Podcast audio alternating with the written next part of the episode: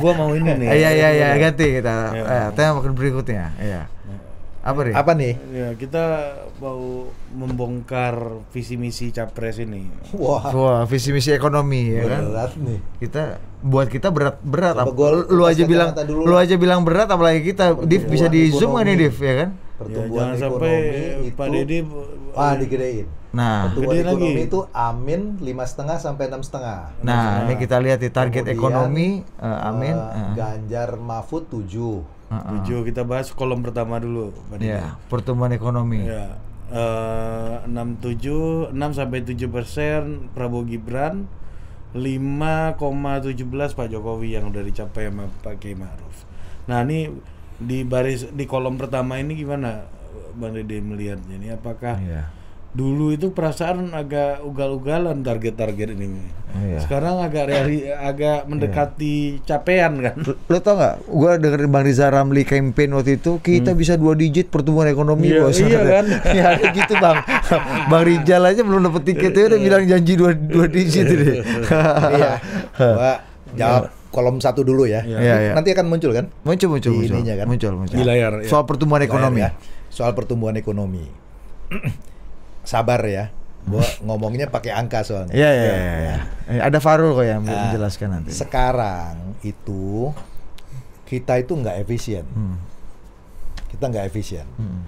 Jadi untuk satu persen pertumbuhan ekonomi Hmm. kita butuh investasi terhadap rasio investasi terhadap PDB itu sekitar 6,8. Oke. Oke. Jadi katakanlah kita ambil nih angkanya, amin, lima setengah sampai enam setengah. Kita ambil yang lima setengah aja. Ya, Anies Muhaimin ya. Ya, Anies Muhaimin. Lima setengah, satu persen butuh 6,8. Berarti kalau lima setengah kan lima setengah kali 6,8 kan? Mm-mm. Ya kan? Ya. Kali-kaliannya kan begitu. Ya. Itu adalah 30 hampir deketin 40 persen butuh investasi terhadap PDB-nya. Ya. Nah, sekarang tabungan kita itu tabungan kita kan ini investasi mesti dibiayain sama tabungan nih. Mm-mm. Tabungan kita itu adanya angkanya sekitar 36 persen. Mm-mm. Jadi nggak cukup duitnya nih, ya nggak cukup duitnya. Jadi akan ada risiko defisit atau dia mesti ngutang Oke. atau harus ada PMA masuk Mm-mm. atau dia harus naikin penerimaan tax ratio Mm. supaya bisa ketutup. Itu dengan pertumbuhan lima setengah. Oke. Kalau pertumbuhannya enam setengah, itu berarti enam setengah dikalikan dengan gue daripada Iya, benar. salah udah lama nggak bisa ngitung gini Ini kan. ada kalkulator cabai ada Iya belakang kan? tuh. Ini kan ada. Apa Bukan sama? cabai kalkulator tuh. dikali 8 tuh.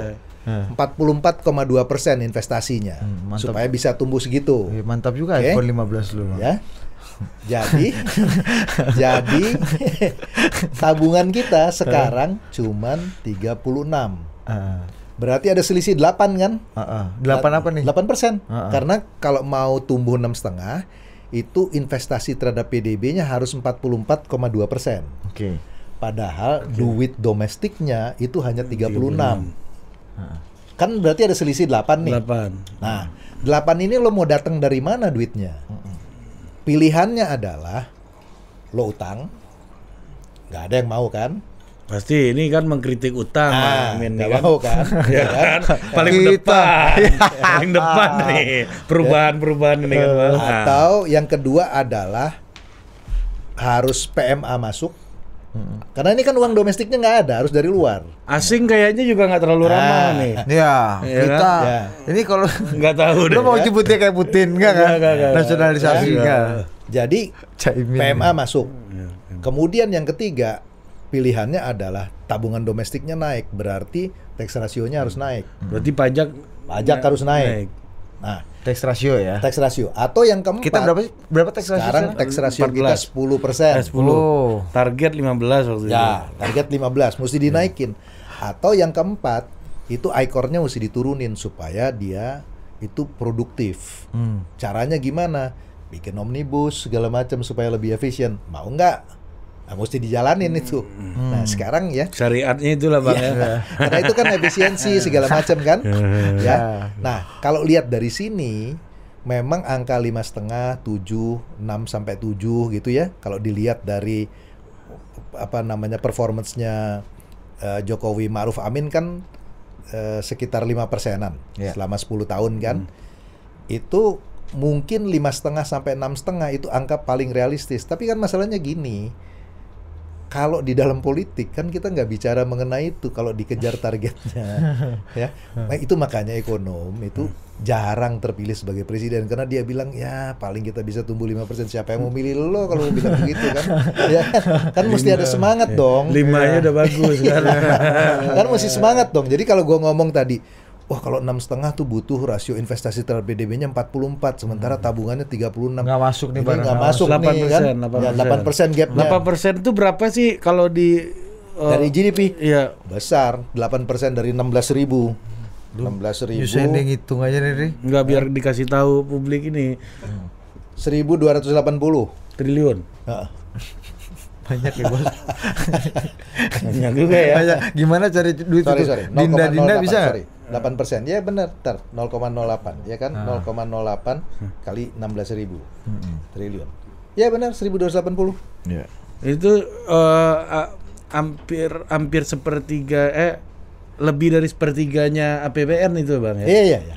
Lebih dari sepertiga Ya, APBN duit yang harus betul diinvestasikan. makanya, makanya akan lihat di dalam polisinya begitu nah sekarang 7 Nah tujuh ini agak paling Tujuh. yakin nih bang kayaknya Nah. nih bang kan. 7 kan 7 kali 6,8 berarti investasinya harus 7 kali 6,8 harus Berapa selisih? 47,6 sementara tabungan kita di 36 36 berarti 11 persenan. 11 persen. 11,6. Iya. Ah, makin gede lagi. Jadi semakin tinggi Iya. targetnya, maka semakin besar yang mesti dilakukan dalam arti kata PMA-nya Iya. harus lakukan atau produktivitasnya ditingkatin. Ini nggak tahu nih Ganjar Mahfud nih utang oke nggak nih mereka nih kan nggak tahu kita. Nah, kita mesti lihat Iya makanya. 6 7 Kalau yang nggak suka utang tuh eh, yang Udah jelas, kami oposisi, wakil wakil oposisi ya. Oposisi. Narasinya Jadi memang ini kecuali ya kalau nggak mau utang pilihannya adalah produktivitas harus naik. Jadi itu produktivitas harus naik itu apa? Eh, infrastruktur, Oke. Kemudian human capital. Hmm. Kan orang tuh kalau misalnya jadi apa jadi pinter, kerjaannya bagus, Sehat, ya. sehat segala macam. Kemudian yang ketiga itu produktivitas bisa naik kalau governance-nya benar. Hmm. Ya. Jadi ah, satu itu produktivitas harus naik atau yang kedua rasio pajak terhadap GDP-nya harus naik. Sisanya itu cuman bisa dari PMA atau dari utang. Iya. Berarti ini berapa triliun nih selisihnya nih bang? Untuk apa tuh? Ini 7 persen nih bang. Oh, lebih gede lagi. 11,2 11,6 persen Nah. ya sekitar 10 eh, 11,6 persen eh, sorry kok 11,6 persen 11,6 Dikali. 11,6 eh, selisihnya 11,6 eh, persen dari GDP ya berarti 0,116 kali 16 ribu ini kita kayak ngitung dagang 1800 1800 triliun. Dari 1200 tadi. Oh, hampir mendekati satu kali APBN tuh. ya kan? Ya mantap. tapi Mantap, kalau nggak mau Iya. Itu produktivitasnya harus ditingkatin Ini, ini kalau Pak Dede ngomong gini dibilang orang pesimis ini. Iya. kan ini suruh suruh bahas Iya, iya. Kita Makanya gua bilang. Kita jawab dulu. Sebelum dia katain kita jawab dulu. Makanya gue bilang kalau ekonom dia maju jadi presiden nggak dipilih Oh. Nah. Tapi ada ekonom yang bilang dua digit bisa kalau dia presiden. Enggak, kalau produktivitasnya- Bang Rijal tuh dua digit waktu itu. Bukan ekonom. Bos. Iya, Bang Rijal ekonom. Kawan ini narator. Bos. Oh, iya. Ya kan? Jikalau itu laut maka ini Itu, adalah Bang, samudra. Itu eh, Celi. Oh, Celi. Ini Jaramli, Oh, Bos. Ramli ya. Iya. Oh itu ada teman-teman mahasiswa. Kita harus ini bergerak. bisa ini kurang kreatif. Iya. Mengandalkan resep-resep ekonomi World Bank dan IMF. Ini bukan menteri keuangan terbaik tapi terbalik. Layar mantan.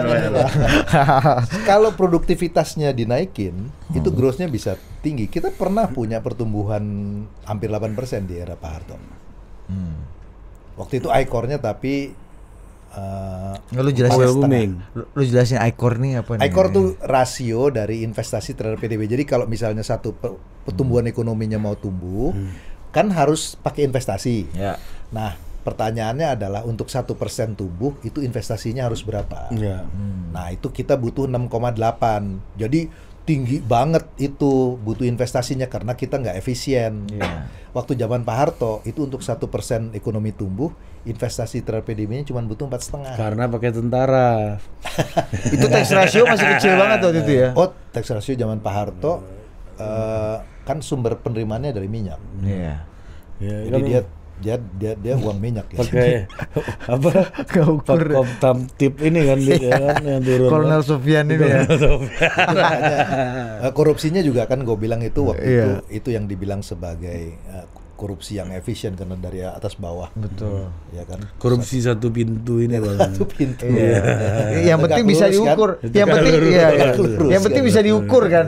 Kosnya berapa kan jadi Betul, bisa betul. dikalkulasi. Betul. Internalize. Ini 6 sampai 7 persen nih gimana nih bang? Ya, Baca. sama aja. Jadi kalau misalnya 6 itu berarti eh, 6 kali 6,8 Ini soal kemiskinan lebih ekstrim. Gus. 40 persen investasi terhadap PDB-nya. Selisihnya 4. Kalau dia tumbuh 7, Iya. dia tadi 11 persen. Jadi dari tiga ini sebenarnya kebijakannya itu kalau menurut gue opsinya hanya akan berkisar pada peningkatan produktivitas tadi dengan cara perbaikan human capital, Iya.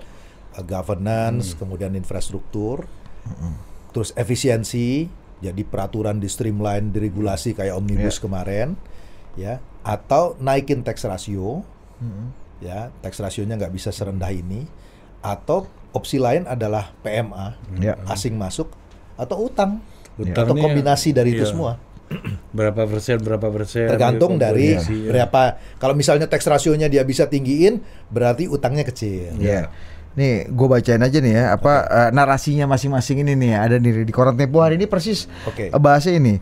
Ketua Tim Pemenangan Ganjar Mahfud Arsyad Rashid mengungkapkan pertumbuhan ekonomi yang tinggi dibutuhkan agar Indonesia bertransformasi menjadi negara maju. Betul. Namun saat ini waktu yang tersisa untuk mewujudkannya cukup sempit. Pasalnya pemanfaatan bonus demografi bakal mencapai puncaknya pada 2030 kemudian perlahan bergeser menjadi negara populasi yang menua. Menurut Arsyad target tersebut bukan hal yang mustahil dicapai sebab pertumbuhan ekonomi di sejumlah daerah selama ini sudah ada yang mencapai 7%. Katanya sekarang tinggal bagaimana melaksanakan pemerataan pertumbuhan. Di tengah dinamika perekonomian global salah satu strategi yang akan di- dikedepankan adalah pemberdayaan sumber daya lokal, Udah, per- udah, udah, perbaikan udah, kualitas sumber daya manusia dulu kan. Hal itu yang kemudian tertuang dalam visi per apa eh, Ganjar sama Mahfud ini. Ekonomi ini nih, nih eh, pemanfaatan infra- infrastruktur, ekonomi digital, ekonomi hijau dan biru serta pertumbuhan industri manufaktur dan optim- optimalisasi kawasan industri. Tak kurang 17 juta lapangan kerja baru turut dijanjikan setiap tahunnya. Ah, ini gimana, Bang? Oke. Sekarang kalau kita dengerin dari situ, dia memang kalau dia mau tumbuh lima 7%. tujuh persen lah ya, dia tujuh persen. Dia industri manufakturnya harus tumbuh tinggi. Ya kenapa? Karena sumber PMA. pertumbuhan, ya, ya, dia harus tumbuh tinggi. Nah sekarang pertanyaannya adalah, ini mau dibiayain pakai apa? yang tadi yang Kan- selisih-selisih tadi Betul. itu Hmm. Kan ujungnya itu adalah gini. Kita mau duitnya ada nggak gitu. Ya, itu itu yang paling nentuin. Hmm. Nah, soalnya. Bang, ini pertanyaan gua basic banget nih. Ah. Dari 15 5,17 tuh ke 7 persen itu Mana? jauh nggak sih Oh, naiknya? Lima mana tuh 517? Oh, ini eh, Pak part Jokowi, pertemuan Pak Jokowi iya. ya. Jauh. Jauh banget ya. Jauh. Jauh. Harusnya re- kalau kita ini visi misi ini kan eh, hal yang mau kita tuju lah ya. Realistisnya naik berapa bang itu bang dengan kapasitas ekonomi kita sekarang? Mungkin itu lima setengah, enam setengah itu eh, realistis. Tapi kan sekali lagi, kalau di dalam politik kan statement Iya. gitu. Ini kan bukan proyeksi tahun depan outlook Iya. berapa. Kalau lo tanya sama gue pertumbuhan ekonomi tahun depan outlook berapa, gue ngomong. Tapi kan visi misi itu adalah statement politik. Lo sebagai sebagai politisi lo Arah, arah. punya mau lo punya ambisi sekian dengan cara ini gitu. Makanya gue bilang kalau ekonom disuruh jadi campaign kampanye itu nggak kepilih dia karena dia akan bilang ini duitnya nggak cukup nih kalau tumbuh segini. Sembilan Iya. aja sekalian bang. Ya, kalau bikin. kalau ekonom populis bos, kalau ekonom bisa populis kayak gini, data lu, angka lu bisa tinggi. Ya gue lagi cuti dulu jadi di dosen FEB ini kan. bisa. gue cuti bentar bos. Ada bulan. uangnya. Ada itu kre- itu kreatif. nih, kalau Anies Mohaimin nih, Ri, menargetkan pertumbuhan ekonomi lima setengah sampai enam setengah persen. Mengutip dokumen visi misi, Anies Mohaimin berstrategi mendorong penciptaan lapangan kerja berkualitas dan menurunkan porsi pekerjaan sektor informal dari 60,23 persen pada Februari 2023 menjadi 50 persen di tahun 2029 Apa itu 50%? pe- pe- pekerja sektor informal nanti lu tanggapin ya. Tambahan lapangan kerja baru yang dijanjikan mencapai 15 juta per tahun dengan tingkat pengangguran terbuka ditargetkan turun dari 5,45 sampai menjadi 3,5 sampai 4 persen. Gini, elastisitasnya tuh kalau yang paling elastisitas tuh gini. Ini ekonom tuh seneng bicara dalam bahasa orang-orang nggak ngerti sih ya. Kalau orang bingung dia makin keren sebagai ekonom. Sama kayak filsafat. Nah,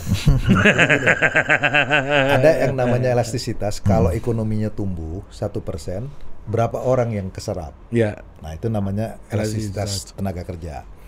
Itu pada waktu zaman di mana penyerapan tenaga kerja gampang itu satu persen bisa di sekitar 600 ribu.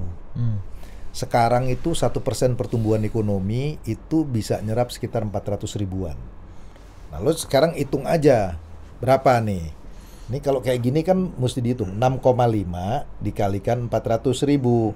Berarti dia satu tahun bisa serap 2,6 juta. Oke. Nah di situ berapa? pertumbuhan dia bilang? 6,5. Di sini eh, 2,6 juta ini Per tahun. Per tahun ya. Jadi kalau dia kali 5 tahun, lo kalikan 5, 2,6. Iya, 15 juta per tahun. Ya, di bawah masih di bawah lah. Dia kena angkanya kalau 2, kalau 2 2, Tambah lapangan kerja kan. ya kan kalau dia 6,5 kali eh, 400 2,6 kali 5 itu 13 juta. Ya hampir-hampir deket lah gitu. Hmm, masih masih realistis berarti ya. ya hampir-hampir deket lah. kalau itu dengan anggapan bahwa satu persen bisa nyerap 400 ribu. Nah tapi ini kan challenge-nya nggak gampang. Kenapa? Karena sektornya itu harus yang dibangun sektor yang nyerap tenaga kerja banyak. Kalau sektornya itu sektor yang pinter orang pinter itu nggak banyak tenaga kerjanya. Iya. Ya kayak oh iya gua ngerti. Jadi kayak eh, Stiglitz tuh pernah mencontohkan kita beli baju dari India orang Amerika ya ketika kita impor baju ada puluhan ribu betul. orang yang hilang pekerjaan. Betul. tapi ketika kita ekspor pesawat cuma ada 100 orang yang dapat pekerjaan karena di Airbus itu yang kerja 100 orangan Ya, aja ya, gitu. Ya. Jadi kalau barangnya itu capital intensif, orang-orang pinter di sana nggak banyak penyerapannya. Jadi sangat tergantung itu strategi industrinya itu labor intensif nggak. Oke. Kalau dia fokusnya misalnya di Lembaga survei gitu, elektronik, food, Iya.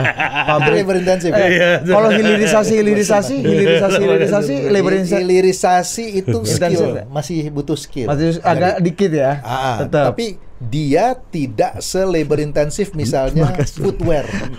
apa Iya. Footwear. Oh, Eh, ini apa, alas kaki. Sepatu Ah. atau garment. Oh, Oh, garment tuh labor intensif tuh. Iya, iya, iya. Terus apa lagi? Eh, ini Ini apa binaan binaannya sawit. ini nih ya. KSPSI AGN ini Kalau ya. kalau survei juga lembaga survei juga Pak. labor intensif tuh. Iya, itu kan ini ya respondennya aja iya, iya. Susah barrier to entry-nya susah. Sering-sering aja kalau gitu. Nah, tapi itu gara-gara pemilu serentak ini jadi habis bang nanti. Iya, ini. Hasan Asbi habis podcast ini kemarin mau gugat ke MK Iya. pemilu serentak ini. Ini kan artinya Sumber daya habis. Pekerjaan gua dimusnahkan oleh oleh Undang-undang.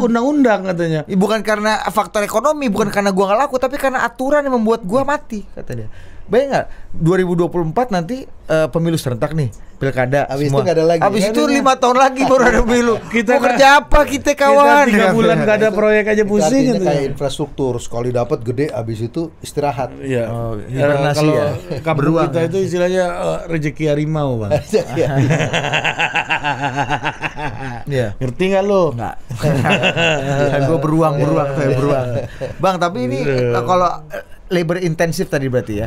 Ini sekarang kan salah satu banyak yang di salah satunya Ganjar nih ya. Sorry. Apa? Labor insentif yang ada di kepalanya Bang Deddy sama gua tuh beda banget. Karena dia survei tadi. Apa yang Nah, karena lu surveyornya aja udah berapa Survei, kan? Nggak, A- Apa dikit istilahnya? dikit. istilahnya Eh, enumerator. Eh, enun- eh, enumeratornya Dikit, iya. dikit, dikit. Tapi dinda-dinda yang harus bergerak kan banyak Biasanya ada afiliasi langsung. gue baru tahu nih, ini menarik nih. Iya. Itu bisa jadi kan. ini Industri juga tuh. bang, ada ribuan bang Ribuan, hidup iya, dalam iya, iya. industri ini. Jadi balik lagi, tergantung Pengrajin politik. Tergantung. Bang Iya. ini wine lu nggak diminum nih? Iya iya iya. Iya. Eh, apa namanya? Tergantung dari eh, sektornya itu labor intensif nggak. Tapi kalau lo bikin industrinya yang orangnya sedikit, walaupun growth-nya itu namanya disebut sebagai eh, jobless growth, pertumbuhan Oh. ekonomi yang apa namanya? Nggak menyerap terlalu banyak. nggak menyerap terlalu banyak tenaga kerja.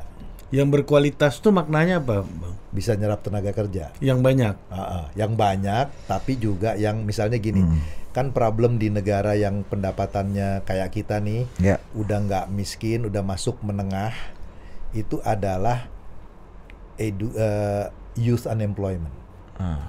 orang muda tapi nganggur. Pengangguran kita yang besar itu adalah yang tamatan SMA dan universitas. Kalau yang pekerjaannya SD, Ya. eh, tamatan SD, SMP, kerja. Waktu Kenapa? tunggunya lebih cepat ya itu. Karena mereka bersedia kerja apa pun. Tapi Oh. orang-orang kayak lo ini, waduh. Iya. Dia suruh mesti lihat gedungnya. ojek online nggak mau dia kalau Ah, terpaksa kan. dia. Nah. Ya Oh, kan? Dia mesti mau, lihat Bang. gedungnya, dia mesti lihat. Jadi udah punya ekspektasi kelas menengah kan. Iya. Dia nggak jadi dengan begitu dia Certified mulai complainer milih. ya. Dia mulai milih jenis pekerjaannya. Iya. Nah, educated kemudian youth unemployment. Ini bisa jadi isu politik. Kenapa? Karena mereka bisa baca, Ya. mereka ngerti, mereka main di sosial media. Mempengaruhi ini itu ya. itu yang selalu jadi isu. Oh. Tapi dikit. Netizen nih dari sini. Iya. kelas menengah ini certified complainer bos, kelas menengah kebanyakan. Iya kan? Ya, Iya, nih ente G terakhir iya. Prabowo Subianto Gibran menargetkan target iya. 6,6 sampai 7 persen. Pasangan ini pasang janji tingkat kemiskinan ekstrim dapat menuju 0 persen dalam dua tahun pertama dengan angka kemiskinan relatif ditargetkan berada di bawah 6 persen pada akhir 2029 nih di bawah 6 persen nih. Hmm. Salah nih datanya nih. Nah, Benar, di bawah 6% tuh. Enggak, apa eh, dia targetnya di bawah 6 persen. Iya, ya betul. Ya, di 6 bawah sampai 6%. 7. 6% itu Itu pertumbuhan 6 sampai 7 ekonomi, gross. kawan. Oh, tingkat kemiskinan iya benar kawan salah. udah agak Iya ada ada ya, ini emang agak- gara-gara agak malam ngantuk. ya Iya. Pinot Noir ini bang. Komitmen untuk memperbaiki produktivitas perekonomian khususnya yang bersumber dari sektor pertanian. Prabowo sebelumnya berujar untuk mencapai swasembada pangan, Indonesia harus segera meningkatkan produktivitas lahan pertanian yang ada di berbagai program intensifikasi dan ekstensifikasi. Ada program-program kartu sejahtera seperti KIS, diperluas jadi KIS lansia, ada kartu Indonesia Pintar, kartu sembako, eh, kartu startup, apalah segala, segala macam tuh. Ya, intinya kan itu kan perlindungan sosial kan. Ya. Nah, waktu September lalu itu ada satu conference di eh, Harvard ya mengenai social protection di negara berkembang. Nah, itu ada satu pertanyaan di diajuin sama moderatornya. Dia tanya ke gue. Dia bilang Indonesia kan uangnya terbatas. Jadi mana yang lebih penting, infrastruktur atau perlindungan sosial? Hmm. Karena uang yang terbatas ini. Menurut gue itu kita nggak bisa milih. Karena kita mesti tumbuh yang tadi dibilang Ya, untuk target-target mengatasi ya. middle income trap, kita mesti tumbuh tinggi. Kalau kita mau mengatasi middle income trap, itu kita harus tumbuh minimal 6%. Hmm. Minimal 6%. Ya. 6 sampai 7 lah supaya itu. Bonus demografi itu juga 6% tuh bang. Ya, Untuk berapa tuh? ini lima setengah ini enggak, Ya. Pesimis. realistis, Ya, realistis. ya, dia realistis. Oh, padahal, Bahasa enggak. politiknya apa? Pesimis ya kan? padahal tagline-nya perubahan loh. amin deh, Bang. Ini sorry deh Amin ya, tapi Iya. ini ini catatan nih, benar benar benar. ya dia kalau dia Prof. mau Aso. ngatasin middle income trap dia harus tumbuh minimal 6% ya 6 sampai 7 lah nah kemudian ya kalau misalnya dilihat dari eh, konteks itu maka yang efek berikutnya yang juga mesti dilihat adalah efeknya pada penciptaan lapangan kerja yang tadi kita bahas penciptaan lapangan kerja itu juga membantu untuk addressing isu mengenai kemiskinan. Hmm. Ya, jadi jadi itu sebetulnya sekalian. Nah, kemiskinan itu juga erat kaitannya dengan harga beras.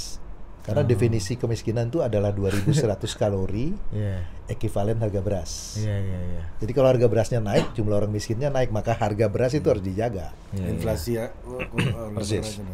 Inflasi pangan. Inflasi pangan. Ya, jadi kalau lihat dari dari sini angka tentu boleh di apa namanya di dikasih ya.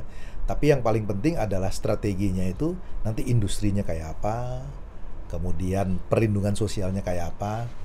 Balik lagi gue bilang Indonesia itu nggak bisa nggak punya kemewahan memilih antara perlindungan sosial atau infrastruktur. Oh. Jadi gimana solusinya? Duitnya harus banyak. Nah, Nah, gimana caranya duitnya Duit harus banyak. banyak? Rasio dari pajaknya harus naik. Nggak bisa di sekitar 9-10 persen. Kita nggak bisa membiayain kalau nggak. Tadi yang kayak gue bilang tadi, Iya, nggak iya. akan bisa membiayain. Nah, dalam konteks ini harus ada strategi untuk supaya tax rasionya naik. Itu aja tuh bang ya. Mm. Kalau utang terus susah bang ya. Satu, secara politik akan dikritik terus. Ah. Kemudian juga ada limit kan. Hmm. Ya juga bahaya lah. Plafon atas ini ya, Bang. Iyalah, Iya. ya kan? Kalau komoditi kita kan lagi top nih katanya nih kan. Kan punya masalahnya nikel, punya tuh batu bara. ada bunga cicilan utang yang harus dibayar. Hmm.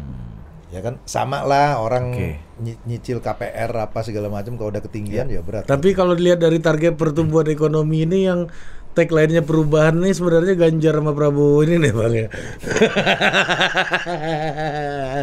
Iya. Dia- ini dia- keberlanjutan nih Anies Jaimin ini. si. Iya, lihat angkanya deh, Iya, Bang. iya. Iya kan? keberlanjutan benar. Iya, angkanya keberlanjutan Tapi memang kan, realistis tuh kalau itu. Realistis, Ya. betul, Hmm, betul, realistis. betul. Tapi Berarti ada- gua gua udah tahu jawaban Mas Anies apa. apa? Yang kita pastikan adalah caranya memenuhi aspek-aspek keadilan. Nah, pasti itu jawaban Mas Anies. Bukan angkanya, bukan hasilnya, tapi prosesnya kan. Iya. Udah ketebak, Mas. Nah, Kita gua nggak ikut-ikut. ya ya ini Ari yang menginterpretasikan apa mas namanya juga seniman kan boleh salah seniman. Enggak, apa namanya? Iya. Saking mengamatinya Mas, Nah, Mas Anies ini. Ri, yang juga mengamati dan harap-harap cemas dan sangat mengikuti itu teman-teman di financial market nih. Iya. Melihat gimana sih capres-capres ini kan punya ini yang mana yang paling realistis, mana yang keberlanjutan. Kira-kira proyeknya Opung Luhut ini stop apa lanjut nih, ini kan hilirisasi ini kan. Nah, ini udah ada teman kita nih Bang.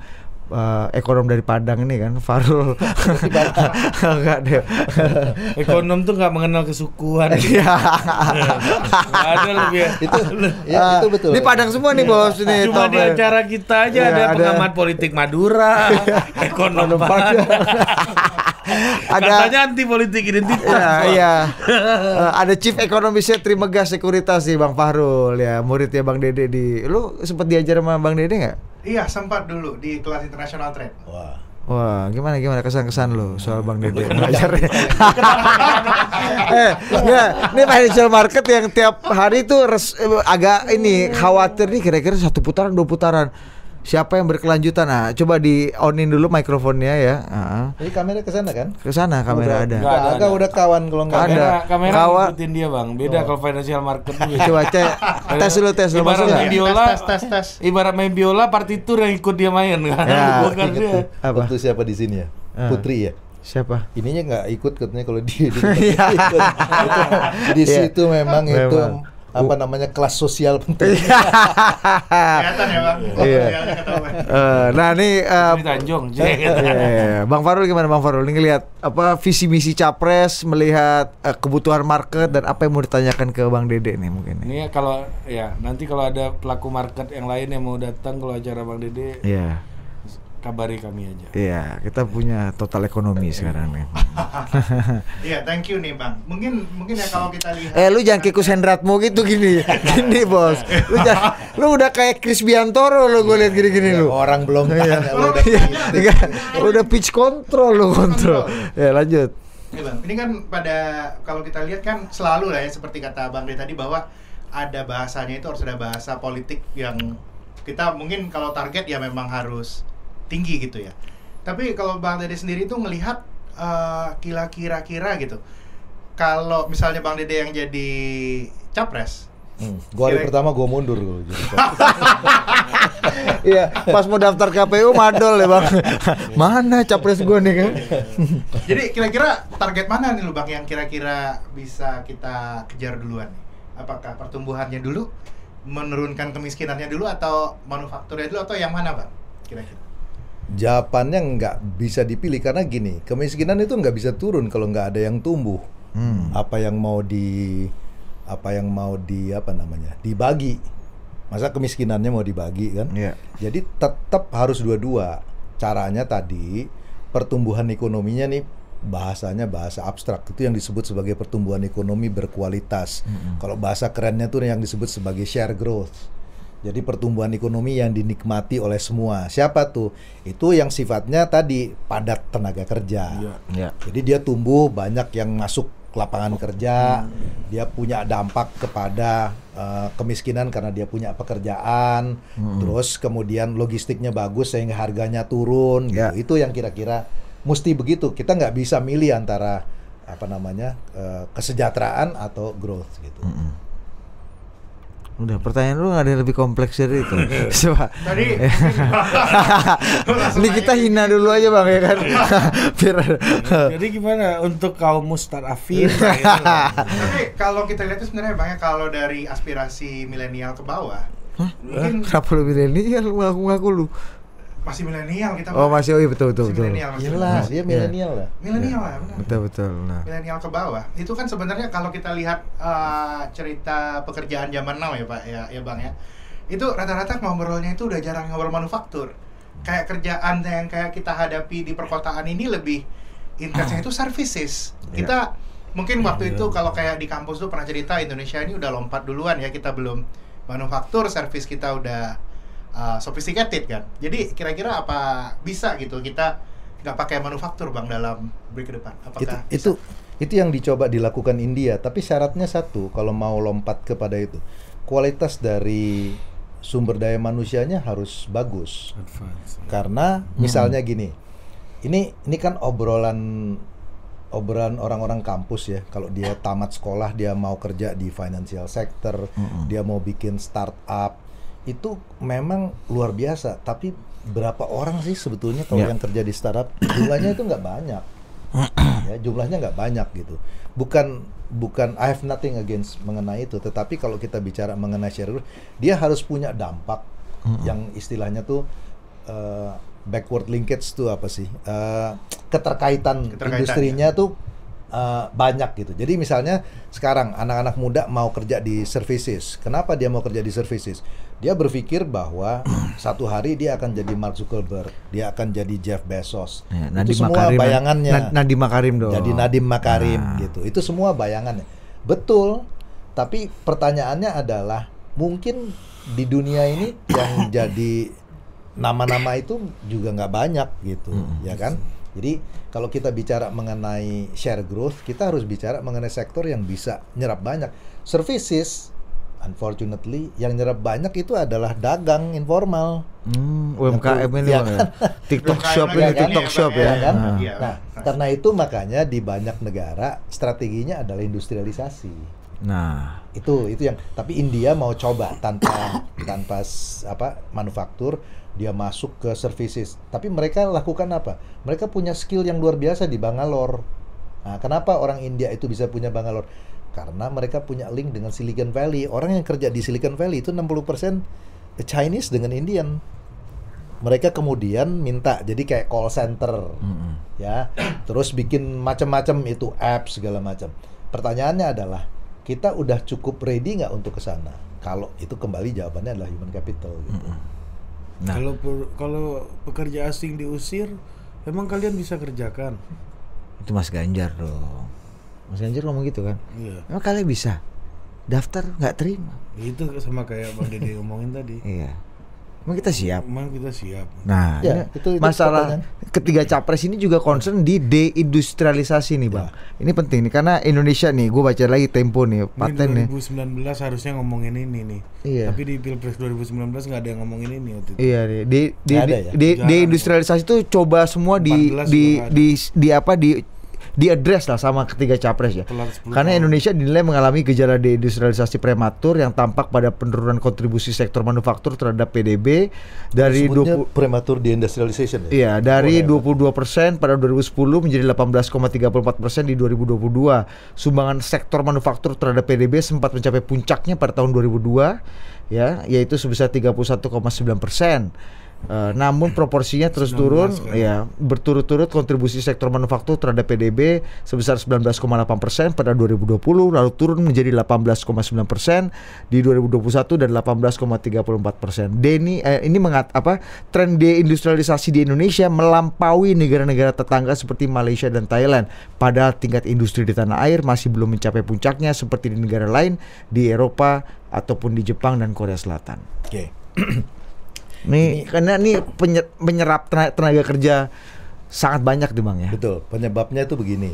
Ini kebetulan yang salah satu ekonom yang bikin yang yang mencetuskan bukan dia sendiri ya, tapi salah satu yang advocate ide mengenai deindustrialisasi itu baru meninggal minggu lalu. Namanya Max Corden. Jadi ini supaya tahu backgroundnya dulu apa yang dimaksud dengan itu. Yang terjadi di dalam deindustrialisasi itu adalah kalau ada satu sektor resources naik, itu semua sumber daya lari ke sektor itu. Duit, investasi, orang. Itu awalnya ceritanya kejadian di Belanda ketika ditemukan minyak.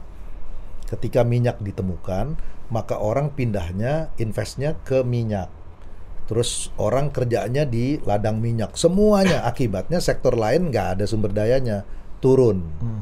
Nah, itu makanya deindustrialisasi itu disebut sebagai the Dutch disease, penyakit Belanda. Karena cerita Iya, itu. iya. Kutukan ya. Nah, ya, atau resource curse. Nah, di Indonesia fenomena ini tadi disebut 2002. Kenapa? Sejak 2003 kita mulai ngalamin yang namanya commodity boom. Hmm. Harga coal naik, CPO naik, akibatnya orang lari kepada sektor sumber daya alam. Ketika dia lari kepada sektor sumber daya alam, maka sektor manufakturnya itu ditinggalkan. Apalagi pada waktu 2003 itu peraturan mengenai labornya, mengenai pesangon Oh, undang-undang ketenaga kerjaan yang baru ya. ketenagakerjaan. Waktu itu sangat ketat.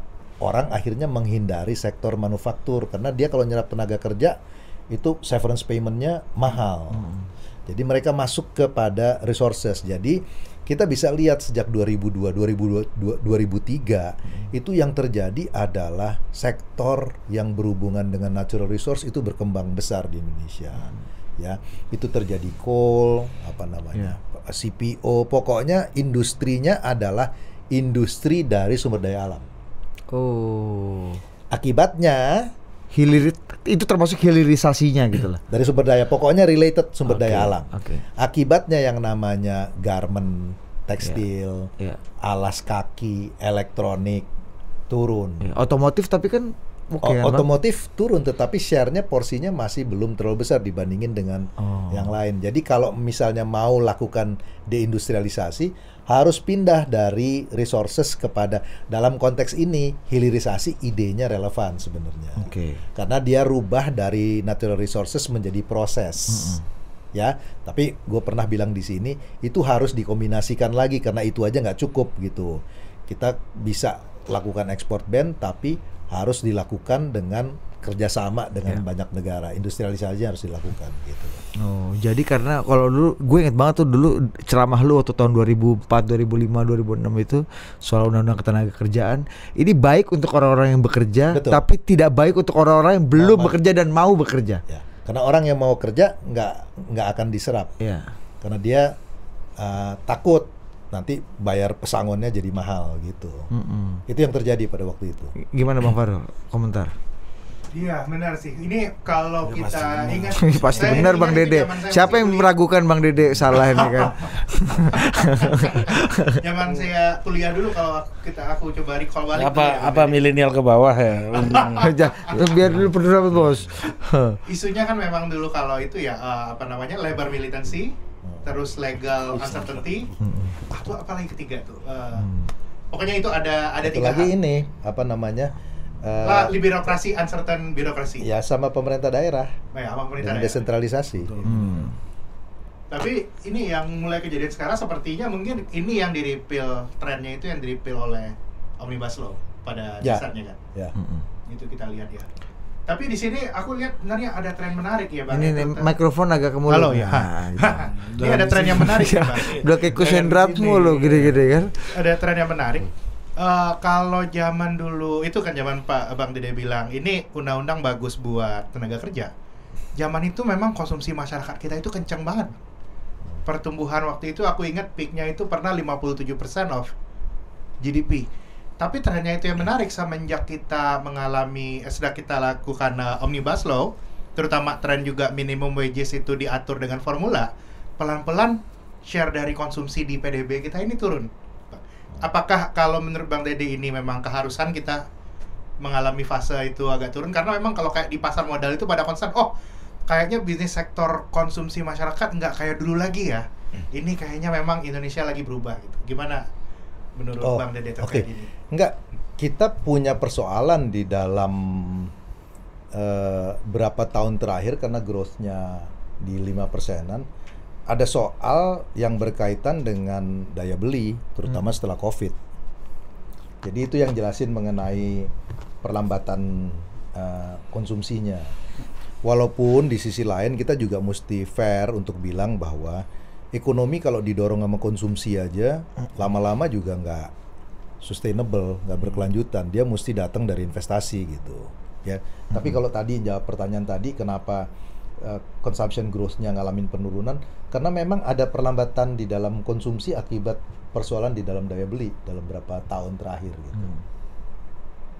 Oke, menarik. Nah, Oke, siap. Ini ini ada ada lagi bang tiga eh, istilah yang ramai dan banyak banget dijual oleh para politisi sekarang. Ekonomi digital, ekonomi hijau, dan ekonomi biru. Nah, ini tiga-tiganya kita jujur belum terlalu mengerti. Kecuali ekonomi digital misalnya yang udah makin jelas gitu ya. Ekonomi hijau dan ekonomi biru. Ini selalu dijual sebagai eh, bagian dari afirmatif policy mereka untuk masa depan yang lebih baik, eh, lebih eh, cerah dan lebih sustainable. Nah, what do you think dengan tiga tiga eh, jualan ini menurut Satu ya, saya baru hari Minggu kemarin kembali dari Shanghai ya. Saya ngomong di Shanghai Forum di Fudan University. Itu Cina ya, dalam digital itu betul-betul advance memang. Hmm. Dan itu jadi sangat efisien dan nggak terbayangkan. Ya. Contohnya, di Cina itu nggak ada lagi alasan nggak ngasih uang sama pengemis Hmm. karena nggak punya duit kecil. Tahu nggak kenapa? Kenapa? Karena dia kasih barcode. Jadi kalau lo nyumbang buat Barcode? dia, barcode itu QRIS. Curious. Jadi nggak ada lagi istilah gue nggak punya duit kecil. Dia bilang nih, lo di sini lo langsung pakai barcode aja Iya, untuk iya. sumbang gue. Iya, iya. Itu lebih ke malak gitu ya. Jadi yang gue mau bilang ya, bahkan sampai pengemisnya udah sampai pada level gunain itu penggunaannya. Nah, ke depan pasti digital teknologi itu nggak terhindarkan. Jadi siapa pun yang jadi presiden, dia harus address isu itu. Dan jangan lupa ya, digital teknologi itu sebetulnya memberi akses kepada banyak pihak loh. Orang ya di orang tua gue kan dari Rau ya, Sumatera Barat.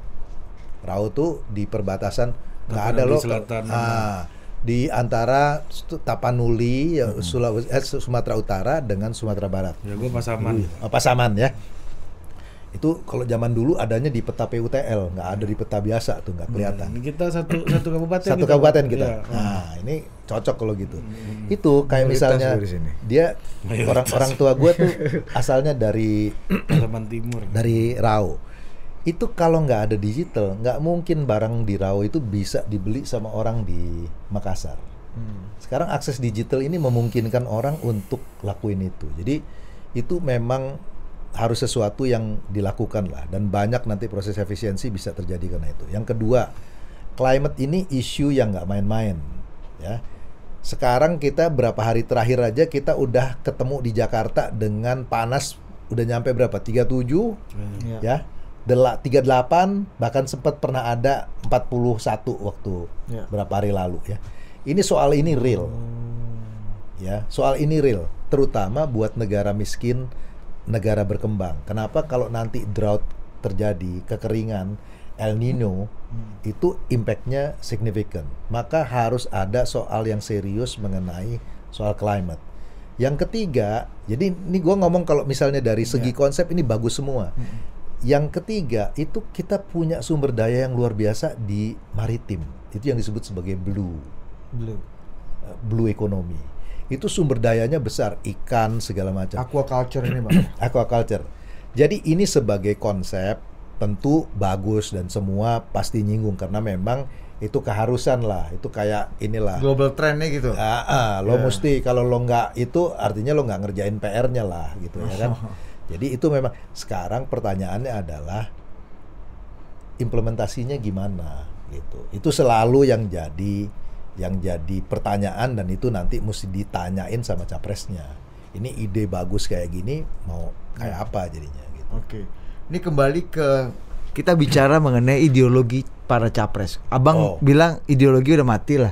Enggak lah, gua nggak pragmatik. bilang ideologi udah mati. Ah, Gua gi- bilang eh, soal itu gimana? Ideologi sebagai konsekuensi. konsekuensi. Ah. Nah, Nah, ini ya, sebagai konsekuensi. Sebagai ini konsekuensi. sebagai konsekuensi dari eh, kapasitas yang kita punya sekarang lah. Nah, ini kurang lebih ini ada bi- biasa Bang kita memetakan nih. Orang kan pengen tahu di Prabowo ini tengah, kanan, kiri, yang lebih kiri siapa, yang lebih kanan, yang agak libertarian, agak otoritarian, agak konservatif dan liberal. Nah, Bang Dede melihat eh, diagram-diagram eh, apa namanya eh, aliran seperti ini seberapa relevan sih untuk membaca tipologi Nggak para capres-capres kita? Coba lihat program mereka, ada bedanya nggak satu sama lain? Nggak ada kan? Hmm.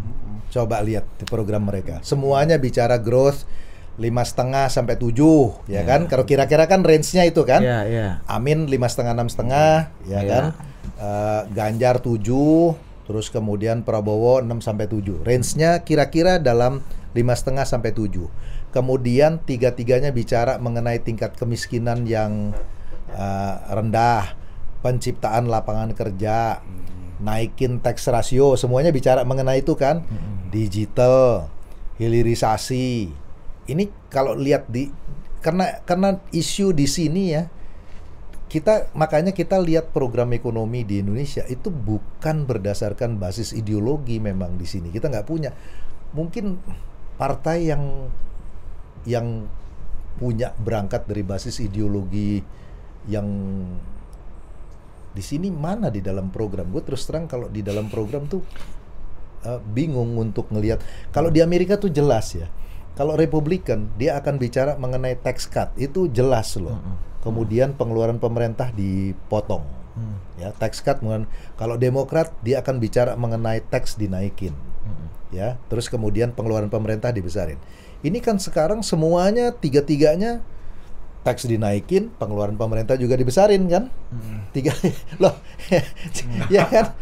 Ya kan? Coba coba kalau lihat dari programnya mau bikin semua kartu Iya. ya kan? Kemudian mau Manufaktur. mau sediain lagi Lapangan eh, kerja ya. lapangan kerja. Ada lagi yang janjiin nggak tahu partai dari mana BPJS gratis, Gratis, ya. ada lagi yang itu kan semuanya spending Partai dari mana? ya kan Sok-sok nggak tahu semuanya spending kan Partai mana itu? Bang? Partai mana, Bang?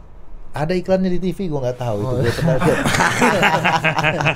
Kalau kita lihat berarti Ah, sebenarnya luar lapangan karena semuanya itu kalau capres di Indonesia itu nggak mewakili nilai tertentu ya dari visi misinya kira-kira. Kalau di Amerika kan nilai tertentu. Ya. Nilai American konservatif kan, American liberal. Iya. karena berangkatnya dari ideologi. Kalau di sini dia memang dia mau address jadi dia consumer oriented gitu loh. Apa yang dibutuhkan sama si konsumen itu yang di, makanya ideologinya tuh adalah sebagai konsekuensi Oh. Oh menarik, ini bukan berangkat dari ideologi tapi ideologi ini adalah Ada konsekuensi konsekuensi, dari, jadi dia- dari itu pem- voters. pembahasan di awal tadi Bang Baru. Ya udah udah segmen satu segmen satu. Segmen satu itu Iya. jangan ulang lagi, balik Iya. lagi ke belakang kita. Iya iya iya. Iya A- kan? Artinya nih itu kan tadi ekonom-ekonom kita. Ini para capres kita juga nggak nggak ada bang. Enggak, Eh, memang mereka itu bang- dan nggak ada yang salah. Mereka mengadres isu yang jadi keinginannya si Voters. si voters, si konsumen. Jadi bukan datang dengan Saya kalau di Amerika kan semua isunya itu ideologis. Misalnya apa? Aborsi, Pro choice, pro life. uh, pro choice, pro life. Kemudian mengenai gay marriage, Ya. mengenai itu kan sesuatu yang perdebatannya tuh sangat ideologis gitu. Iya, iya. Di sini kan nggak ada kita bicara mengenai itu. Jadi memang memang kita belum pada level itu. Makanya gue bilang kita ideologi itu sebagai konsekuensi, dari Ya, itu. Sekarang aja oposisi pun bukan ideologi Bang Basim. Iya iya. Iya, ini PDI sama PKS kompak ngeritik Jokowi. Iya. Menarik ya. Kemarin Iya. Mas Inton orasi, Habib Abu teriakan mereka. Habib Abu itu sekjen PKS. Nih, Kayaknya gue nonton tuh. iya iya. Ya, Mas Sinton adalah uh, uh, uh, ka- orang PDI yang berKTA PKS. Tapi eh, yang membedakan ya berarti tesis lama itu masih relevan ya Bang. Yang membedakan adalah posisi agama dan negara aja. Betul. Sisanya Iya, sama. sisanya. Betul, betul. Ekonomi ini nggak ada bang ya? nggak ada nggak kelihatan di Iya. dalam nggak kelihatan di dalam bahwa dia berangkat dari deal makanya kadang-kadang Lebih teman-teman dari demokratis apa enggak apa eh, segala macam teman-teman dari political scientist tuh kadang-kadang kepinteran kalau dia menganalisa mengenai Iya. peran dari ideologi yang begitu dalam di da- Iya. kita itu sangat pragmatis kok di dalam Hmm. ini dia bagaimana men-serve apa yang diminta sama si istilahnya sama si customer gitu Hmm. Customernya siapa pertanyaannya? voters Hmm. ya kan juga. dia Oligarki. Ya, bisa itu. Tapi kalau di dalam pemilu nggak akan Enggak, di inilah. Oligarki nanti Pasti aja. ya, ya. Menang dulu ini. Ya, betul. Iya. Jadi secara ekonomi ya sama, kadang ada liberalnya, kadang ada konservatifnya. Secara Kadang religius, religi. Sekarang kadang ya. barbarian. Iya, Kalau- kalau sama lihat- sekali tuh bang ya. Kalau rekam jejak latar belakang eh, partai, latar belakang eh, pendidikan, misalnya orang-orang dari Chicago Schools gitu misalnya, atau pendidikan yang lebih relatif timur, itu nggak juga bisa ini bang ya, menjadi warna yang Mazhab, lebih mazhab. Mazhab. khusus gitu ya. Nggak ada, nggak pernah ada sidang kabinet tuh bilang kalau Pengalaman lo gimana? Friedman bilang bahwa ini nggak ada. Kita cuma bilang ini APBN duitnya nggak cukup. Terus ini lihat kalau kayak begini apa yang mesti dilakuin efisiensi. Oh kalau ini yang nikmatin siapa kelas menengah atas. Oh BBM mesti di adjust. Nggak pakai begitu begitu. Kalau duitnya banyak ya kita bisa bangun gitu. betul kan. betul Iya. juga. Ini jangankan negara bang ya kita aja hidup gitu kan. Proyek ideologis kita baru bisa jalanin kalau ekonomi udah agak tinggi kan. Iya, ini, itu pidato guru besarnya Pak Budiono ya, Iya, setelah iya. 2200 Betul. atau berapa gitu baru iya kita kan, Betul. susah Iya. juga kita kan. Eh, tapi ada beberapa kayak misalnya kita ngobrol-ngobrol sama Farul dan kawan-kawan lu aspirasikan loh kegelisahan lu ini kan. Ada yang bilang misalnya capres kalau ini wah nanti pengusaha Tionghoa agak resah gitu misalnya. Atau ada satu wah ini kayaknya lebih lean ke Cina, ke baratnya jadi enggak gitu. Itu seberapa relevan nggak isu-isu yang lebih sektoral dan mikro kayak isu, gitu? isu global juga pragmatis dalam arti kata gini Duh. selama mereka itu juga diuntungkan dia nggak ada soal dengan makanya gue tuh nggak terlalu percaya dengan konspirasi bahwa kalau mau jadi presiden harus dapat dukungan Cina dukungan Pentagon Amerika gitu kan. Iya, iya. atau gue nggak percaya itu terus terang kenapa selama itu hubungannya bisa baik trade-nya apa jalan dia nggak peduli itu Hmm. soal siapa yang di- Capek juga ngurus ngurus teknis detail nih kan bang. Iya. Ini kan ngurus lampiran nih bang. Tapi kalau waktu dulu kayak presidennya kayak Soekarno Iya, iya. punya potensi di Indochina, makanya waktu itu studi mengenai Southeast Asia begitu banyak karena ada Vietnam, Iya. ada Kamboja, ada Indonesia kan. Nah kalau kayak gitu ya, tapi selama modelnya kira-kira ya di dalam range itu nggak akan nggak akan apa namanya istilahnya konspirasi global gitu. Kita seneng sih kalau seru gitu ya. Iya, jadi nggak akan ada yang konservatif banget kayak Republikan atau liberal banget kayak Demokrat gitu atau lebih proteksi satu Enggak. sama lain nggak nggak Un- Unfortunately itu jadi pengamat jadi agak kurang seru karena iya karena kayak hidup yang nyata. Hidup yang nyata tuh kan nggak hitam putih kan. Hmm. Ya kan? nggak ada orang yang jagoan bener atau jahat bener gitu. Ya tengah-tengah itu aja gitu. iya lu kecewa nggak lu melihat bahwa sebagai orang yang berharap ada pembelahan-pembelahan atau spesifikasi Ini tipologi ini ini Farul Farul Ide Kok lu. gua lagi bawa kagak apa? Iya, lu pernah bertanya, coba dong titip tanya ke Bang Dede, ini tanya ini ada di kolom yang mana barang-barang ini bos katanya. Gue tanyain dulu. Gimana coba? Lu gimana melihatnya nih? Iya. Mobil ya emang sih market. tadi kesimpulan so far sih setuju sama Bang Dede memang kalau di Masa lu kondisi nggak sekarang di setuju sama Salah pula. ah, ya gunting memang loh. kalau di Indonesia ini mungkin kalau antar capres itu memang eh, nilai-nilai itu nggak terlalu terjuantakan dalam program. Ini lebih kalau lihat mungkin kalau kayak cerita Nah. tadi kita mungkin bahasannya belum ke ideologi. Tapi mas bagaimana itu ini bisa berjalan atau enggak? Nah, Is it financial- working or not working? kan? Ya, financial market melihat itu nggak? Melihat eh, ini ini lebih lean ke barat, ini lebih lean ke Cina jangan, kayak jangan- tadi. jangan harapkan investor tuh jadi aktivis. Nah. Karena bahasa mereka itu profit.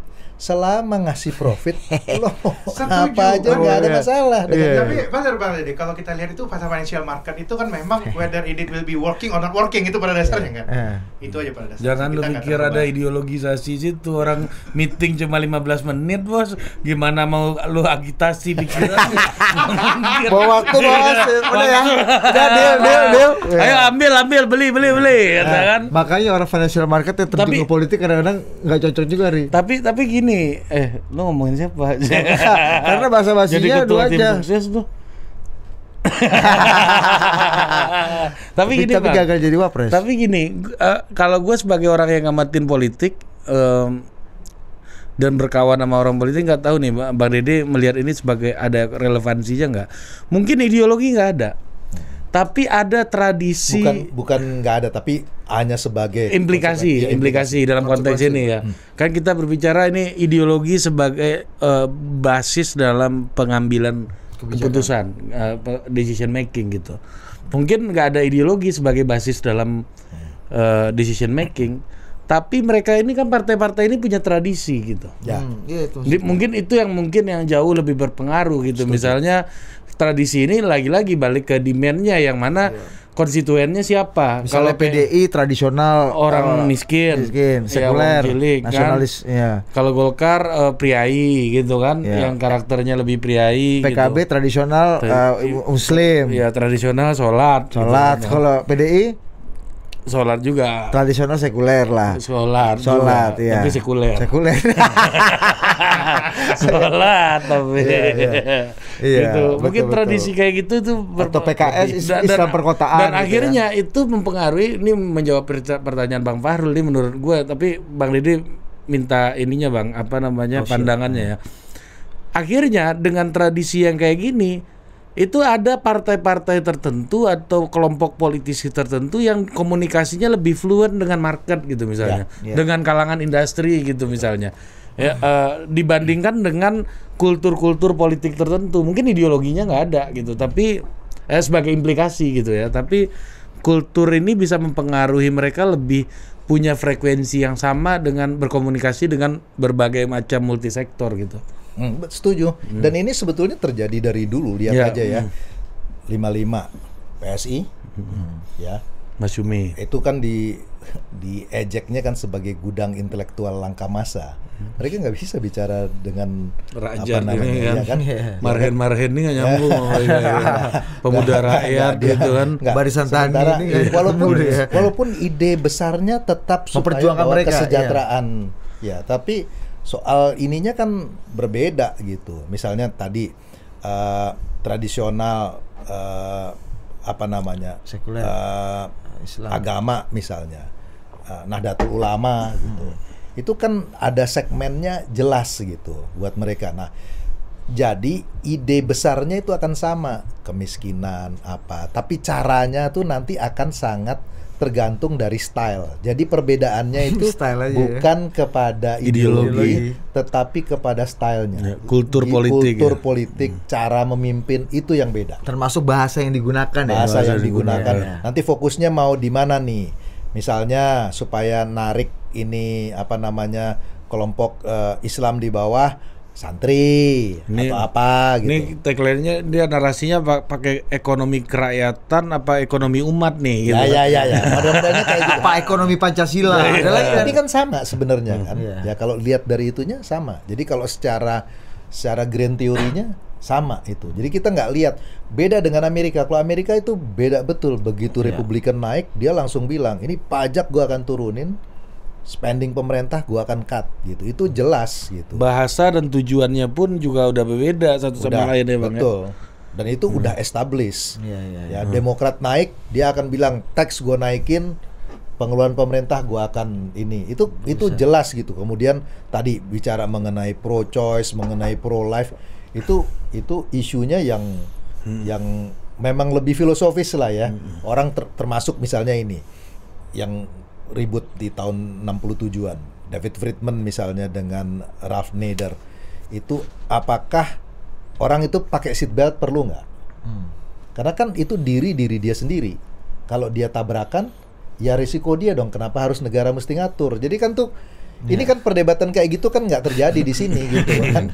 Ya, isunya di situ freedom, beda. ya, ya kan itu kan freedom kan. Kayak ya. Peter Gonta pernah usul apa bang soal mengatasi kemacetan ini? Oh, Begitu. warna mobil. Iya. Mana ganjil genap sama. 3 in 1 ini masuk lagi warna mobil. Kalau Bang Uni warga Amerika jadi tiga bos. apa? Pro life, pro choice sama projo.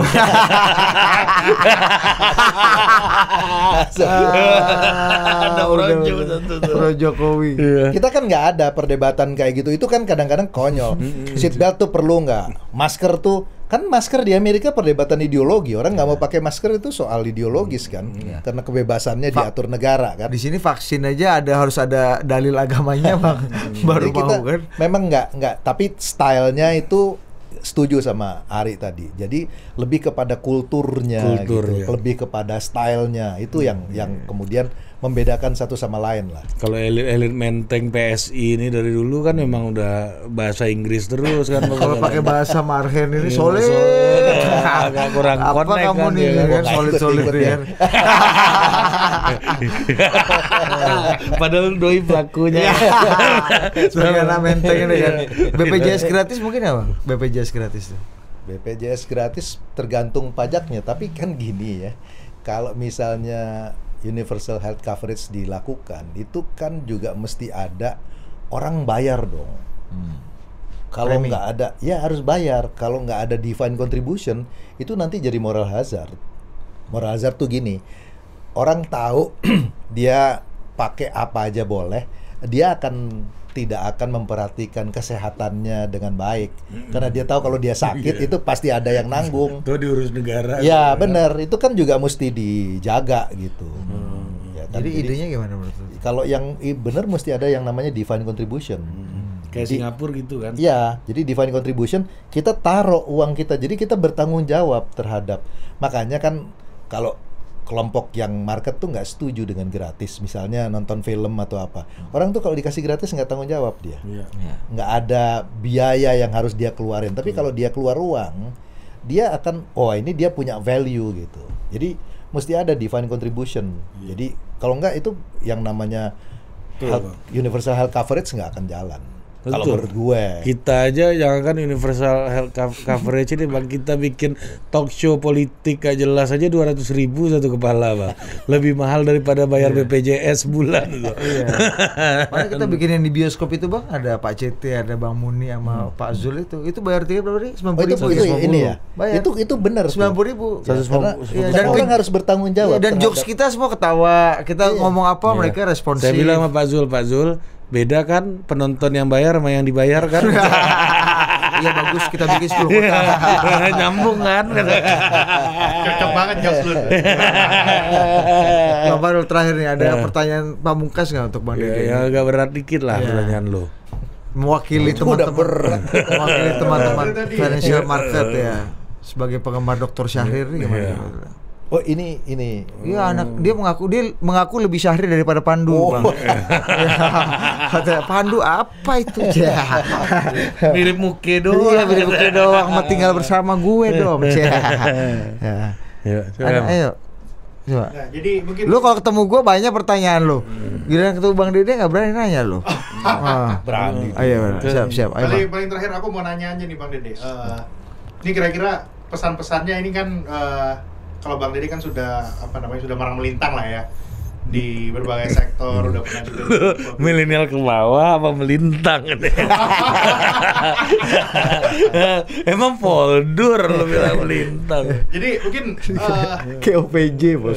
Celah-celah. Jadi ke depannya itu mungkin kalau pesannya Bang Dede itu untuk kita yang masih muda-muda gini ini gi- apa namanya gimana itu kita harus lihat apa namanya itu pengambilan kebijakan atau eh, policy ekonomi gitu ke depannya. dalam menentukan pilihan Pilihan. pilpres Ya, kali ya. buat kalau yang mau berpikir secara rasional dan melihat program. Yes, yes, Ada kemarin gua ngobrol dua jam sama temannya uh, Faro nih bang, Uh, uh, bisnis lulusan S2 bisnis di Stanford. Ngobrol panjang lebar segala macam soal program-program tiba-tiba gue milih ini ah karena Sosiologis. suka ya, Ya. gue milih ini ah karena suka kucing Iya, iya. katanya. Sosiologis. ah percuma Oh, dong kita maksud lo. Suka kucing katanya gitu jadi Oke. buat ini yang Gue cuman mau bilang begini ini yang kadang-kadang sering kita ngerasa eh, kecewa. ya. Ini waktu 2015 gue ngomongin ini gue banyak dikritik. Waktu itu gue ngomong di ANU, gue bilang bahwa setelah beberapa tahun setiap presiden itu akan jadi presiden yang normal. Jadi dia bisa aja ngomong mengenai apa pun selama masa kampanye. Nanti setelah dia ada dalam kekuasaan, dia akan jadi presiden yang normal. Presiden yang normal itu apa? Dia akan lihat resourcesnya tuh kayak gimana, sehingga opsi dari kebijakan ekonominya akan sangat tergantung dari sumber daya yang dia punya. Ya, jadi semua calon presiden di Indonesia ketika sebelum berkuasa itu ngeritik kenaikan harga BBM. Tapi semuanya ketika dia jadi presiden itu naikin harga BBM. Jadi yang gue mau bilang ya, itu ya. jadi yang gue mau bilang adalah nanti di masa kampanye akan banyak orang cerita apa pun, ya. Nah, tetapi nanti ketika berkuasa mereka akan menjadi realistis dan rasional dan sangat pragmatis. Ini yang kemudian kadang-kadang voters itu jadi kecewa karena ekspektasinya itu akan tinggi jadi hero gitu loh. Jadi kalau selalu ada di dalam perspektif spektrum yang wah ini yang apa ya hitam putih. Padahal nanti di dalam realitasnya ya hidup yang normal di mana juga itu ada abu-abu ada apa. Dia akan jadi orang biasa gitu. Nggak seperti yang kita idolakan terus menerus gitu. Dan itu terjadi di semua presiden. Jadi misalnya eh, semua presiden ketika masuk dia akan bilang tidak akan ada transaksi politik nggak bisa. Kita itu adalah negara presidensial dengan multiparty pasti kita mesti bikin koalisi dan harus adopt. Dan itu nanti orang kecewa. Kok akhirnya terjadi? Itu di pemerintahan Jokowi terjadi di pemerintahan SBY terjadi. Itu nggak terhindarkan. Nah kadang-kadang voters itu dia datang dengan idealnya gitu. Makanya Kennedy itu selalu bilang politisi berkampanye dengan puisi dan memerintah dengan prosa. Jadi ketika dia udah di dalam kekuasaan, ya esai bukan puisi lagi gitu. Nah ini orang kadang-kadang ekspektasinya tinggi, dia kecewa. Kok dia bilang kok presidennya berubah? Enggak. Presiden setelah beberapa tahun akan jadi presiden yang normal karena dia harus jaga keseimbangan politiknya, dia harus pragmatis di dalam kebijakan ekonominya. gitu. berarti ya Ya, dan ya, kalau di kampanye lu normal lu nggak kepilih Nggak nggak kepilih Ya. gitu. Artinya orang yang marah-marah sama presiden yang ternyata menjadi normal ini, mereka lagi marah sama imajinasinya sendiri. kan? betul. Dan, dan itu, iya, dan itu itu itu terjadi karena ekspektasi yang begitu.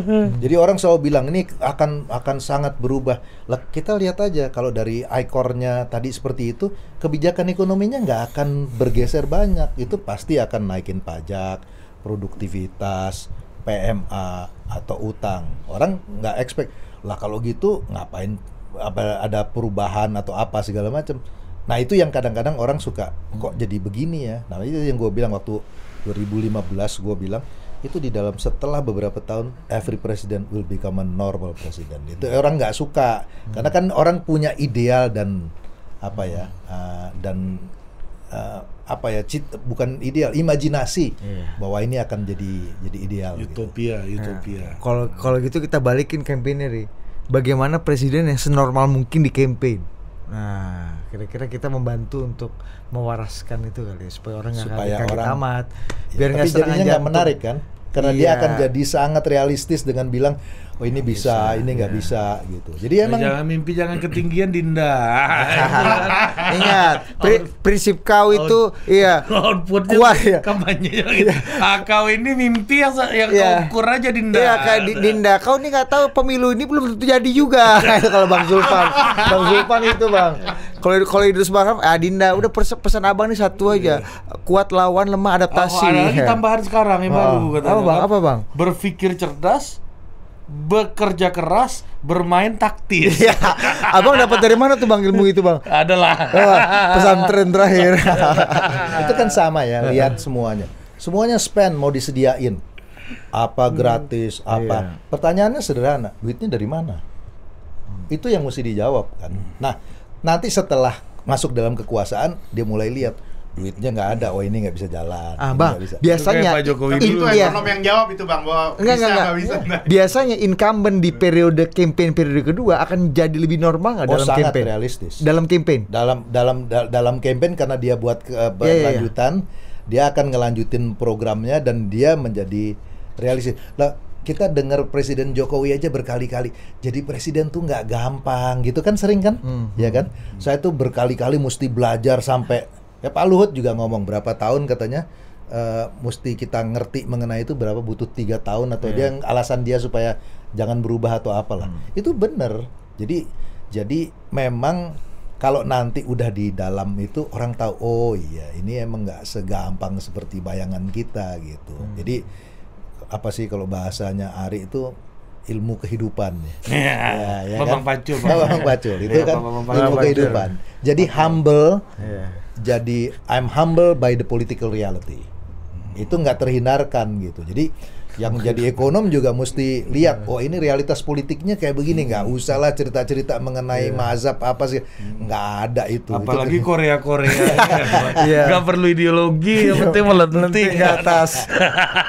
aku itu jadi ingat kata-kata bang Dede dulu zaman kuliah suka bilang gini kalau kamu masih muda kalau kamu nggak punya kalau kamu nggak sosialis berarti kamu nggak punya Kamu nggak kiri. kamu nggak kiri Ya. kamu nggak punya Hati. hati. tapi ketika kamu sudah tua udah dewasa kamu masih kiri itu tandanya kamu nggak punya otak ah itu yang tersinggung Arif Budiman waktu gue bilang begitu Iya, oh itu Arif Budiman enggak Lu Saya yang bilang ke Arif Budiman begitu terus dia bilang jadi lu mau bilang gue goblok Tapi itu agak keliru juga tesis itu bang menurut gua. Agak keliru gitu ya? Ya, Kalau ma- udah tua lu masih kiri, lu nggak punya uang. Iya. Otak. lu kan nggak semua orang punya Frederick Engels kan? Iya. orang tak penting angle Oke bang, kalau kata George Bush senior tuh ini apa campaign is one thing, governing is another ya ya thing. ya. betul Itu Jadi- uh, Lyndon Baines Johnson. oh Bush, Johnson Bush. ya. Johnson. Bush senior. Johnson itu. Bush. udah ntar cek aja di Wikipedia. Gue lagi adrenalin nih. Se- Seratus ribu. Ya, oke. Ya, Kita sambil dicari. buktikan nih. Ya, kalaupun salah sama-sama bangsa Amerika. Ya, dia udah banyak belajar dari tamunya yang politis. Ya. Eh, Tipu-tipu Apa kampung. tadi? Campaign? campaign is one thing, governing is nothing. One Iya, sambil thing. dicari, sambil dicari. Eh, sa- salam dulu Iya. buat Bang Dede. Oke, enggak biar biar ada di Biar layar tahu, nih taruhan iya, kita ayo, kan. ayo. Biar gue jadi saksi. Iya kan? Gue tau, gue karena gue denger dari orang dari orang gue nggak baca, gue denger. Hmm. Tau nggak yang ngasih tau gue siapa? Ah, nah, lu cari Lu dulu. jangan merarangin. Enggak, itu Bang Celi sih udah pasti sohe. Nih, Apa? Ayo. quotes ya. Ah, kelamaan ya kan. Nah, Ntar, ntar dulu kampret. Ah, ayo. Eh, Rul sambil ini dia nyari apa pertanyaan lagi, pertanyaan lagi buat Bang Dede.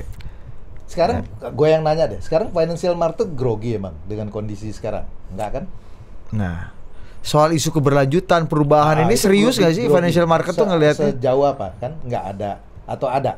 Kalau kata Bang Dede kan nggak Ya, ada nih kalau- perubahan dan ya, eh, keberlanjutan tuh nggak ada. Ya kalau normatifnya kan Bang Dede memang pasar keuangan tidak suka dengan ketidakpastian, Pak. Oh. Ini pastinya lagi sampai semuanya setup. Nggak ketemu belum lagi. Ketidakpastian ya, ya biasanya biasanya grogi tuh karena ketidakpastian. Makanya kita lagi nunggu nih. Mudah-mudahan ada kepastiannya. Tapi ini lebih karena soal global kan? Iya, one Iya thing kan? ini karena global lah, gara-gara Iya. Amerika yang masih mau naik. Bukan bunga karena di sini atau karena MK atau apa terus rupiahnya ya nggak Bang, ada. tapi Bukan iya. 80% global sih. Bang, tapi pemilu tuh bisa menyelamatkan ekonomi kita nggak sih? Kan ada yang bilang tahun kalau ada 2000 spending ya Dua- tahun 2008 waktu global financial crisis katanya kita jelang pemilu akhirnya kita salah satu ya faktor yang membuat kita ya karena selamat. spending. Hmm. Sekarang hitung aja gini ya. Ini hitungan hitungan sederhana. Sekarang jumlah TPS berapa? Berapa nih? Eh, 800 ribu. 800 ribu. Satu TPS kan mesti ada tiga saksi, bener nggak? Hmm. Ya kan? Itu kan saksi mesti dikasih makan Ya. sama transport. Ya. Tiga kali loh dia dari pagi siang sampai malam. Ya. Katakanlah 100 ribu, ya katakanlah katakanlah 100 ribu satu orang, ya. 100 ribu lo kali 300 tiga itu 300 ribu lo kali 800 ribu lo bicara itu 240 miliar satu hari loh Itu saksi tok. saksi doang. Ya. Itu itu hanya hanya hanya saksi doang. Itu kalau satu partai. 240 sekarang yang ikut berapa? Ya, berapa partai kita? 16, 20. Berapa 20 lupa Oke, kita. kali yang nggak sampai 25 deh 20 20 lo kali 24 lo kan bicara 5T Ya. ya kan? Itu hanya buat dana saksi doang. Itu gimana nggak nggak eh, muter gitu. Hmm. Jadi kalau dari segi itu dia cuman memang jangan tanya duitnya dari mana gitu, tapi Iya. itu Terlalu teknis kawan. itu terlalu teknis. Iya. Kita kan di sini high level. ya gua gua tak sempat ketemu ngobrol sama politisi gua nggak sebut siapa namanya iya kadang-kadang kita kesulitan ini ada bilang mau bantuan datang uangnya ke pusat kota eh di Hamin satu dalam kondisi eh, dolar eh, dalam kondisi mata uang asing. Hamin satu jelang pemilu. Gimana kita mau tukar? Jam 11 malam katanya kan kita harus distribusikan ke, ke kab- kabupaten-kabupaten. Nah gitu gitu. Jadi ada problem-problem teknis juga bang dolar. Yusuf Isak Yusuf Isak ini ternyata. Aduh, capek lah gue ngitung rupiah ini kan. Gak ketemu gua dit. nah itu yang gue ngasih tau gue bang Fadlizon Hmm. waktu di sini Apa itunya? Ya lu protes ke Fadlizon aja lah Iya. kalau lu gak percaya. Taruh sama Fadlizon. dia udah dia lagi ngilang sekarang bos. Iya, tapi kita Ngumpet pertaruhan nih kita lanjutkan nih setelah gua cek ini ya. Ya, oke. Siapa yang menang nanti Apa? Taruhannya apa? Bang 100 Dede. ribu kan tadi kan? Eh, iya, seratus ribu. Iya, oke. Beli wine deh, botol wine deh, sebotol. Lu mahal banget taruhan lu. Iya. Habis berenang waktu itu. Iya, opung belum bayar bang. Opung, Opung opung. Thank you bang Dede Iya. eh, Oke. atas dakwahnya Ya. di total politik, total ekonomi, apa tuh tuh total total lainnya. Wabillahi taufiq hidayah. Ila wa. Wassalamualaikum warahmatullahi wabarakatuh. Merdeka. Salah.